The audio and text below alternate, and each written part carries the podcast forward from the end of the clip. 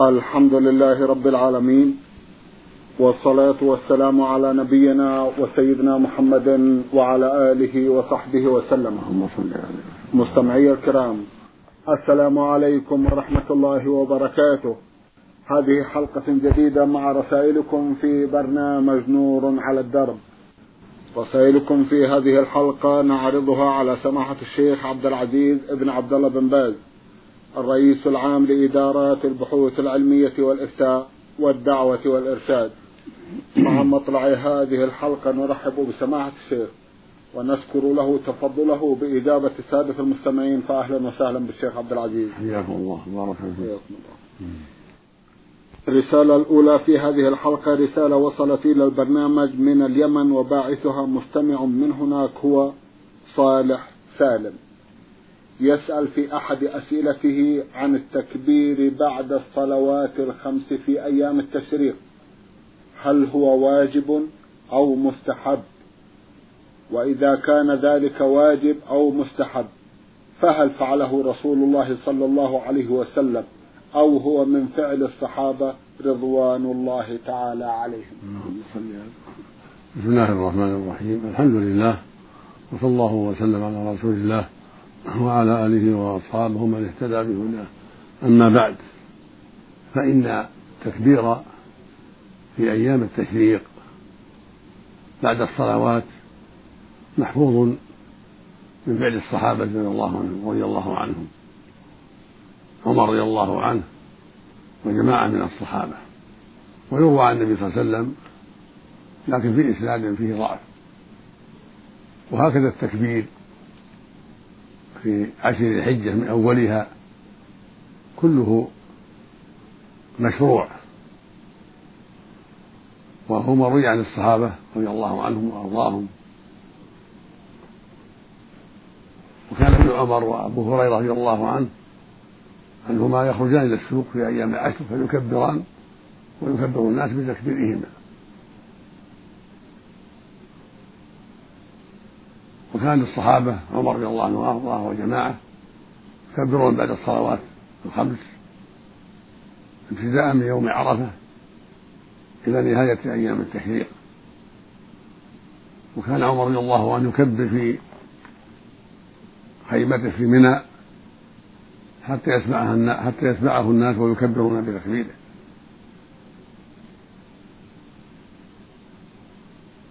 فالتكبير مشروع وليس بواجب ولكنه سنة.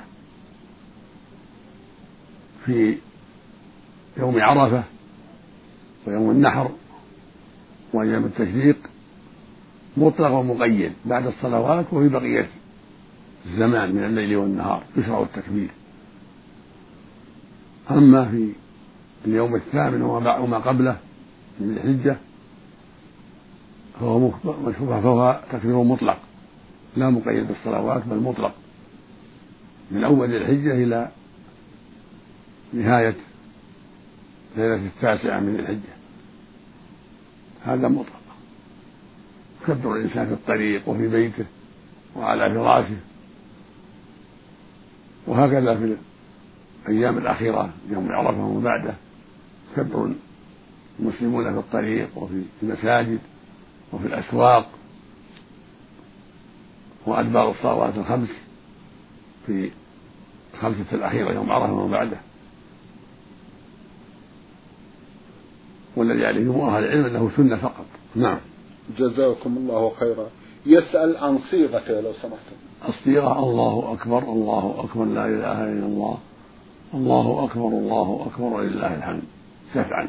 نعم. وكان بعض الصحابة يأتي بها وترا. الله أكبر الله أكبر الله أكبر لا إله إلا الله. الله أكبر الله أكبر الله أكبر لله كله طيب. سواء أتى بها شفعا أو وترا. ومن ذلك الله أكبر كبيرا والحمد لله كثيرا وسبحان الله بكرة وأصيلا. كل هذا وارد في الآثار عن الصحابة وفي الآثار المروية عن النبي عليه الصلاة والسلام. نعم. جزاكم الله خيرا. بالنسبة للتكبير في المساجد هل يكبر أحد الناس ويكبر الناس بعده؟ كل يكبر على حسب حاله ما في تكبير جماعي. أيوة. هذا يكبر وهذا يكبر ولا يشرع التكبير الجماعي. الجماعي المشروع ولكن كل يكبر على حسب حاله. وإذا صادف صوته صوت أخيه فلا يضر ذلك نعم أما تنظيم التكبير من أوله إلى آخره يشرعون جميعا وينتهون جميعا فهذا لا أصل. جزاكم الله خيرا. يسأل سؤالا آخر ويقول أريد أن أتصدق على والدي بعد وفاتهما بأي صدقة كانت كبناء مسجد أو معهد ديني لتعليم القرآن الكريم أو ما شابه ذلك من الصدقات. فهل يجوز إشراكهما في مشروع واحد أو لا بد لكل منهما من مشروع منفرد؟ لا مانع من إشراكهما في مشروع واحد. وأنت معهم أيضا. أنت أيها المتصدق معهم. تجعل نفسك معهم. أو من شئت من أقاربك. الحمد لله. الأمر واسع. فضل الله واسع. فلا مانع من يكون المشروع لأبيك أو أمك أو لهما جميعا. أو لك معهما أيضا. كله طيب. جزاكم الله خيرا. من أبها إحدى الأخوات المستمعات رمزت إلى اسمها بالحروف ألف عين ميم. تقول كيف تطوف المرأة بين الرجال؟ هل تستر وجهها أم تكشف؟ جزاكم الله خيرا. المشروع للمرأة والواجب عليها الحجاب في الطواف والسعي جميعا وفي الأسواق وفي كل مكان أن تكون متسترة متحجبة عن عن الأجنبي في طريقها وفي بيتها وفي الطواف وفي السعي وفي عرفات وفي كل مكان. قال الله جل وعلا في كتابه العظيم وإذا سألتموهن متاعا فاسألوهن من وراء حجاب. ذلكم أطهر لقلوبكم وقلوبهن. فهو الأطهر لقلوب الجميع الرجال والنساء. قال سبحانه وتعالى يا أيها النبي قل لأزواجك وبناتك ونساء المؤمنين يدنين عليهم جلابيبهن. ذلك أدنى يعرفن فلا يؤذين. قال سبحانه في المؤمنات ولا يبدين زينتهن إلا لبعولتهن أو آبائهن أو آباء بعولتهن أو أبنائهن أو أبناء بعولتهن الآية. فليس لها تبدي زينتها إلا لزوجها ومحرمها. والوجه من أعظم الزينة. وهكذا بقية البدن وهكذا الرأس. فالواجب على المرأة الحجاب والتستر عن غير محرمها. والذين يطوفون معها ليسوا محارم لها. وهكذا الذين يسعون معها وهكذا من في الأسواق وهكذا أخو زوجها وزوج أختها ونحوهم ونحوهما كل هؤلاء ليسوا محارم. فالمفروض والواجب التستر والحجاب. لكن في حال الإحرام لا تنتقب ولا تلبس قفازين تستتر بغير ذلك تستر وجهها بالخمار بالجلباب الذي تجعل رأسها وترخي على وجهها. تستر يديها بغير قفازين بالجلباب بالعباءة بغير ذلك. كما أن الرجل يستر بدنه بالإزار والرداء لا بالقميص بل بالإزار والرداء. فالله شرع للرجل في الإحرام إزارا ورداء. وهو منهي عن القميص والإزار والسراويل. هو مأمور بكشف الوجه بكشف الرأس. فالرجل يتستر بالرداء والإزار وإن عدم الإزار جاز له السراويل ولا يستر رأسه. فالمحرم لا يلبس القميص ولا العمامة ولا السراويلات ولا البرانس ولا الخفاف. إلا من عجل عن النعلين يلبس الخفين للحاجة وهكذا من عجل عن السراويل يلبس من عجز عن الإزار يلبس السراويل. هكذا المرأة.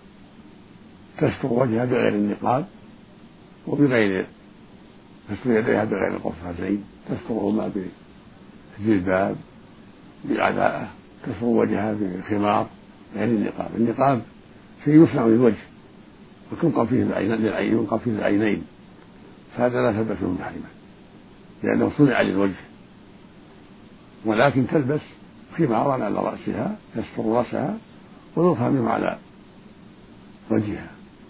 كما جاء في الحديث عن عائشة وأم سلمة أنه أنهما كان أن النساء كن مع النبي صلى الله عليه وسلم في حاجة الوداع وكان إذا دنا منه دنا منه منهن, منهن الرجال سدلت المرأة خمارها على رأسها فإذا بعدوا كشفت. فالنقاب هو المنهي عنه فقط والقفازان لكن ستر اليدين بالقفازين وستر الوجه بقدر النقاب هو الواجب في حال الإحرام بالعمرة أو بالحج. نعم. جزاكم الله خيرا. هل يجوز للمرأة أن تتعاطى علاجا يمنع عنها العذر الشرعي إذا كانت تريد الحج؟ لا أعلم مانع من ذلك. تعاطى ما يمنع الحيض في حال الحج أو العمرة أو في شهر رمضان حتى تصوم مع الناس. كل هذا لا حرج فيه إن شاء الله. نعم. إذا كان لا يترتب عليه ضرر إذا كانت الحبوب التي تتعاطاها نعم. لا يترتب عليها ضرر. نعم. جزاكم الله خيرا. نعم. هل يصح رمي الجمرات إذا وقع الحصى بجوار الجمرة بحوالي متر؟ مثل أن يصطدم بعمود الخرسانة المجاور لعدم رؤيته أو لعدم التمييز أو لشدة الزحام. لا يجزي إلا إذا سقط في الحوض. أما إذا سقط خارج الحوض فلا يجزي لكن لو سقط في الحوض وتدحرج لا يضر وخرج. إذا سقط في الحوض كفى. حتى ولو خرج بعد ذلك. المهم أن يقع في الحوض. فلو تدحرج وخرج من الحوض بعد ذلك لا يضر أما سقوطه في غير الحوض فلا يجزي نعم. جزاكم الله خيرا.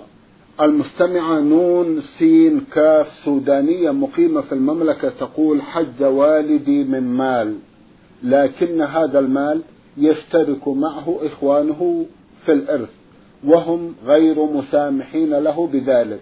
هل حجه صحيح أم ماذا يجب عليه؟ حجه صحيح.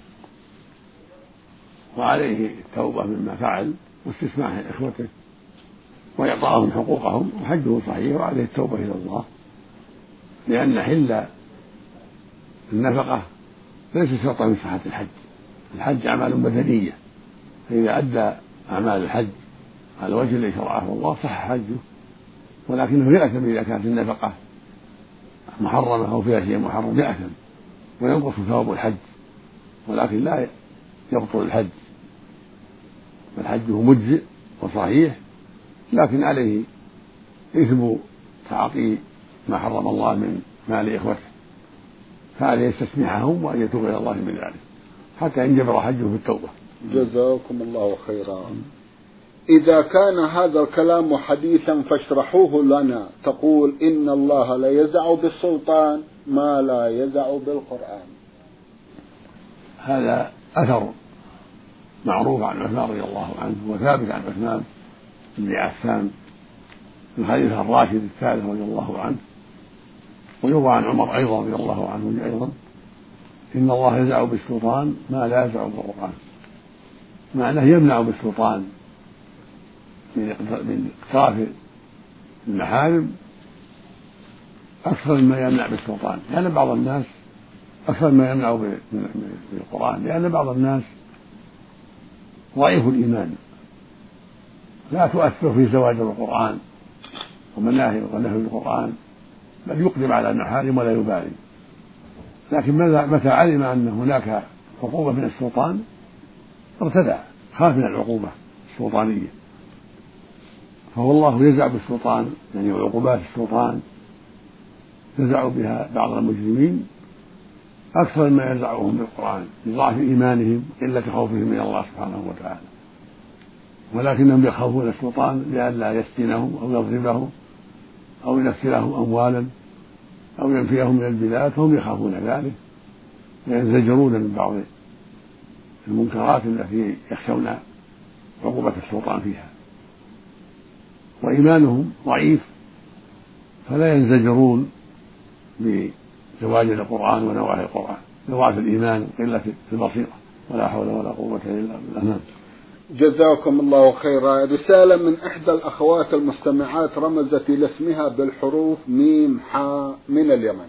تقول هل يجوز للمرأة أن تذبح الذبيحة؟ نعم.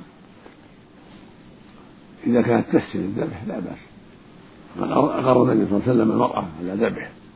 حول الغنم. المقصود أن المرأة كالرجل لها أن تذبح. الذبيحة الغنم والبقر والعجل لا بأس. إذا كانت تعرف ذلك فذبيحتها حل إذا كانت مسلمة أو كتابية. نعم. جزاكم الله خيرا. هل يجوز للمرأة أن تصلي وهي متزينة بالذهب والمكياج؟ نعم. لها أن تصلي وهي متزينة بالذهب والملابس الجميلة والمكياج إذا كان المكياج نظيفا طاهرا ليس به نجاسة فلا حرج في ذلك. لها أن تصلي مع الخشوع. ومع الإقبال على الله عز وجل. الله جل وعلا يقول سبحانه في كتابه العظيم يا بني آدم خذوا زينتكم عند كل مسجد. فالمؤمن مشروع له أن يصلي بزينته في المساجد بالملابس الحسنة والإمامة الحسنة. هكذا المرأة إذا صلت في ملابس جميلة. لا لا حرج إذا كانت مستورة عن الرجال أجانب ما عندها أجانب فلا حرج في ذلك والحمد لله. والمكياج زينة للوجه جمال الوجه.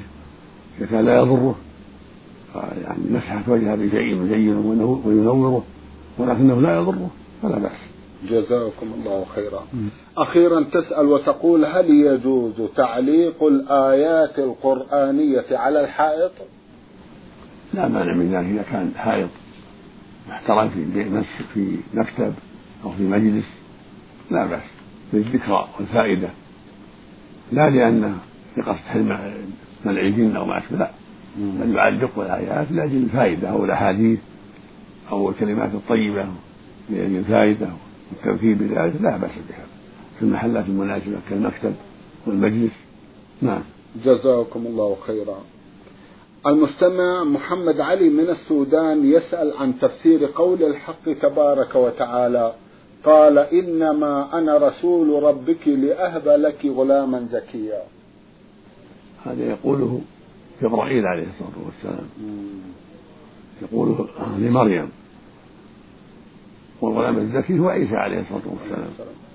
وهذا بأمر الله جل وعلا. فأمر الله أن ينفخ فيها فحملت بأسباب النفخة.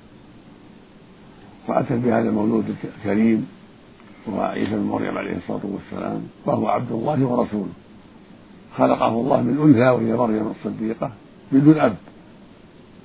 قال الله له كن فكان كما قال تعالى في قصة آدم إن مثل عيسى عند الله كمثل آدم. خلقه من تراب ثم قال له كن فيكون. فالمقصود أن عيسى خلق من أنثى بلا ذكر وليس له أب. فقال الله له كن فكان. بالنفخة التي نفخها جبرائيل في مريم حتى حملت بذلك كما قال جل وعلا والتي أحسنت فرجها فنفخنا فيها من روحنا وجعلناها وابنها آية للعالمين. وهي مريم عليه الصلاة والسلام رضي الله عنها. فالمقصود أن النفخة هي نفخة من جبرائيل وهو رسول الله إليها. نعم. جزاكم الله خيرا. يسأل أيضا ويقول عندنا في القرية إذا حصل للإنسان مكروه يقول إذا أزال الله عني هذا المكروه سوف أذبح ذبيحة على قبر الشيخ فلان. هل يصح الأكل من هذه الذبيحة؟ وهل يصح الوفاء بهذا النذر إذا زال المكروه؟ النذر في تفصيل. فإذا كان النذر طاعة لله كأن يقول لله علي إن شفى الله مريضي فلان أن أصلي كذا وكذا أو أصوم أيام كذا وكذا أو شهرا أو ما أشبه ذلك أو أتصدق بكذا هذا نذر طاعة. يقول النبي صلى الله عليه وسلم من نذر يطيع الله فليطيعه فإذا قال شفى الله مريضي أو رد غائبي أو شفيت من كذا صمت لله خمسة أيام أو عشرة أيام. تصدقت بألف درهم. صليت كذا وكذا. كل هذا من طاعة. متى حصل المطلوب وجب عليه الوفاء. أما إذا كان النذر معصية لله فإنه لا يوفي به. لقوله صلى الله عليه وسلم من نذر أن يعصي الله فلا يعصي. فلو قال لله علي شفى الله مريضي أن أذبح للشيخ فلان ذبيحة. للبدوي أو للحسين أو الشيخ عبد القادر أو لغيرهم. هذا شرك أكبر ما يجوز. لا لا يحل الوفاء به. وعليه التوبة إلى الله من ذلك لأن هذا شرك أكبر. ذبح الأموات التقرب إليهم بالذبائح أو النذور هذا شرك أكبر. العبادة حق الله وحده. ثم يقول سبحانه قال ربك ألا تعبدوا إلا إياه. ويقول سبحانه قل إن صلاتي يعني قل يا محمد الناس إن صلاتي ونسكي يعني ذبحي ومحياي ومماتي لله رب العالمين لا شريك له. وبذلك أمرت وأنا أول مسلم. ويقول سبحانه للنبي صلى الله عليه وسلم إنا أعطيناك الكوثر فصل لربك ونحر ويقول النبي صلى الله عليه وسلم لعن الله من ذبح لغير الله. فلا يجوز الذبح للجن ولا للمشايخ أصحاب القبور ولا لغيرهم من أصنام أو أشجار أو أحجار أو ملائكة أو أنبياء لا. الذبح يكون لله وحده. تقرب لله بالذبح الضحايا والهدايا لله وحده سبحانه وتعالى. فيقول لله علي إن شاء الله مريض أنا أذبح كذا وكذا لله وحده. ناقة أو بقرة أو ذبيحة من الغنم لله وحده هذا قربة طاعة. هذا يوفي بذلك أما يذبح للشيخ فلان يتقرب إليه حتى يشفع له أو يشفي مريضه هذا شرك أكبر. وهكذا لو قال يا شيخ فلان اشفي مريضي أو انصرني أو يا رسول الله اشفني أو انصرني أو يا شيخ عبد القادر انصرني أو يا شيخ أحمد البدوي أو يا سيد الحسين أو يا شيخ فلان انصرني أو اشفي مريضي. أو رد غائبي كل هذا من الشرك الأكبر. لا يجوز دعاء الأموات ولا الاستغاثة بالأموات ولا النذر لهم ولا سؤال الجن ولا النذر لهم ولا تقرب الأصنام من لحم الحجارة أو غيرها. كل هذا منكر عظيم وشرك أكبر. الله يقول سبحانه فلا تدعوا مع الله أحدا. ويقول سبحانه ولا تدعوا من دون الله ما لا ينفعك ولا يضرك فإن فعلت فإنك إذا من الظالمين يعني المشركين. قال عز وجل فاعبد الله مخلصا له الدين. ألا لله الدين الخالص. ويقول سبحانه ما أمروا إلا أن يعبدوا الله مخلصين له الدين حنفاء فالواجب إخلاص العبادة لله وحده ومن ذلك الدعاء والخوف والرجاء والذبح والنذر كله عبادة. يجب أن تكون لله وحده. ولا صرفنا شيء لا لأصنام ولا للشيوخ ولا للأنبياء ولا للجن ولا للأشجار ولا للملائكة ولا غيرهم. العبادة حق الله وحده سبحانه وتعالى. وهكذا لو قال لله علي إن شفى الله مريضي أو رد غائبي أن أشرب الخمر أو أزني هذه معصية لله لا يوفي بها. هذا منكر عظيم. يتقرب الله بالمعاصي هذا منكر عظيم. لا يجوز له وهو بذلك. وعليه كفارة يمين عن هذه اليمين عن هذا النظر الباطل عن هذا النظر المعصية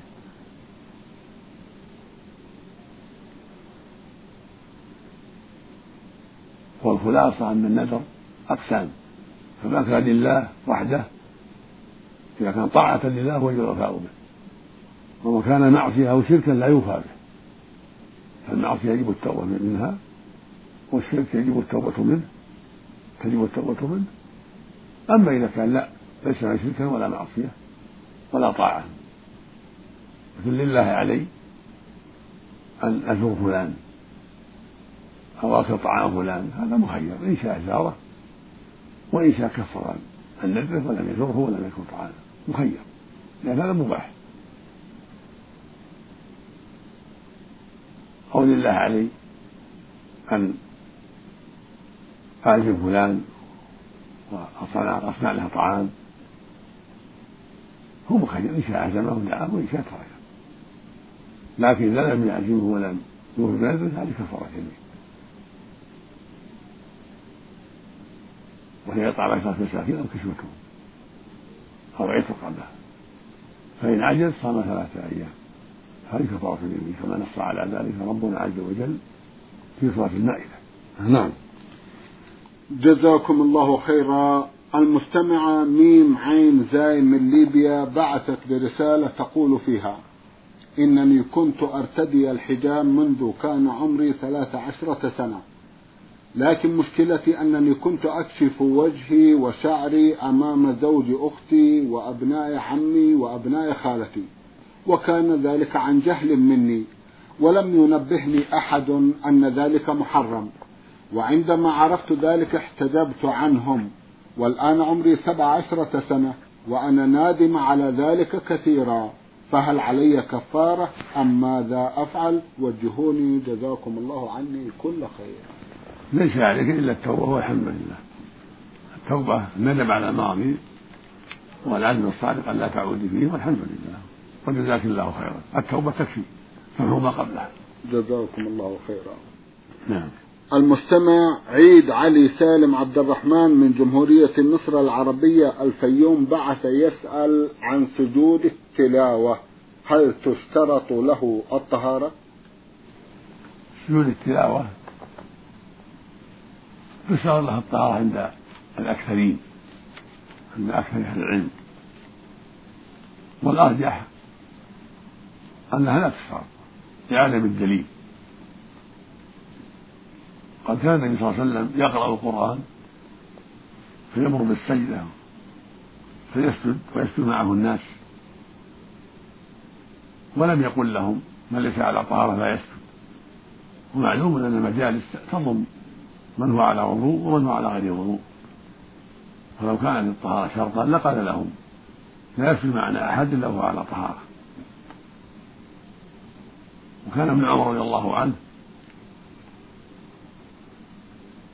يسجده على غير طهارة هكذا الشعبي التابعي الجليل فالصواب أنه لا يشرع. لا بأس يسجد وإن كان على الطهارة لعدم الدليل والسجود ليس صلاة. لكن جزء من الصلاة. وهكذا سجود الشكر إذا بشرى بنعمة فسجد لله لا يشرع الطهارة في سجود الشكر كسجود التلاوة سواء. أما سجود الصلاة وسجود السهو هذا لابد من الطهارة نعم. جزاكم الله خيرا. المستمع عبيد بن حسين الإبراهيم سوري مقيم في عرعر بعث برسالة مطولة بعض الشيء يقول فيها توفي ابن خالتي وقامت أمه بالتصدق لولدها حيث أعطتني بقرة بصفة وقف لابنها أستفيد من لبنها على أن أطعم تلك البقرة وأعتني بها. وشاء الله أن البقرة ماتت حيث نطحت فذبحتها وبعت لحمها بمبلغ سبعة آلاف ليرة سوري وصرفت تلك الفلوس حيث أنني محتاج لها. سؤالي هل أشتري بقرة بدلا منها وأعطيها للمتوفى كصدقة؟ أو أترك من بقرتي حيث أن لدي الآن بقرة أخرى أفيدوني جزاكم الله خيرا. نعم الواجب عليك أن تشتري بقرة مثلها حسب الطاقة بالفلوس التي حصلت لك حين بعت البقرة بعد الذبح. تصرفها في بقرة أخرى. تكون وقفا وصدقة بدل التي ذبحت. وإذا كان عندك بقرة تناسب وعرضتها على اثنين من أهل المعرفة والخير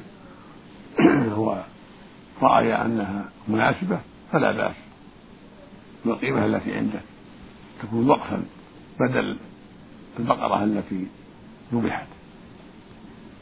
وإذا اشتريت من غيرك بالسبعة الآلاف التي عندك بقرة أو زدت عليها من نفسك هذا أحوط لك. وأبعد عن التهمة. ويكون حكم البقرة الجديدة كالبقرة القديمة. نعم. جزاكم الله خيرا. سماحة الشيخ في ختام هذا اللقاء أتوجه لكم بالشكر الجزيل بعد شكر الله سبحانه وتعالى على تفضلكم بإجابة السادة المستمعين وآمل أن يتجدد اللقاء وأنتم على خير. وفق الله اللهم مستمعي الكرام كان لقاؤنا في هذه الحلقة مع سماحة الشيخ عبد العزيز ابن عبد الله بن باز. الرئيس العام لإدارات البحوث العلمية والإفتاء والدعوة والإرشاد. شكرا لسماحته. وأنتم يا مستمعي الكرام شكرا لحسن متابعتكم. وإلى الملتقى. وسلام الله عليكم ورحمته وبركاته.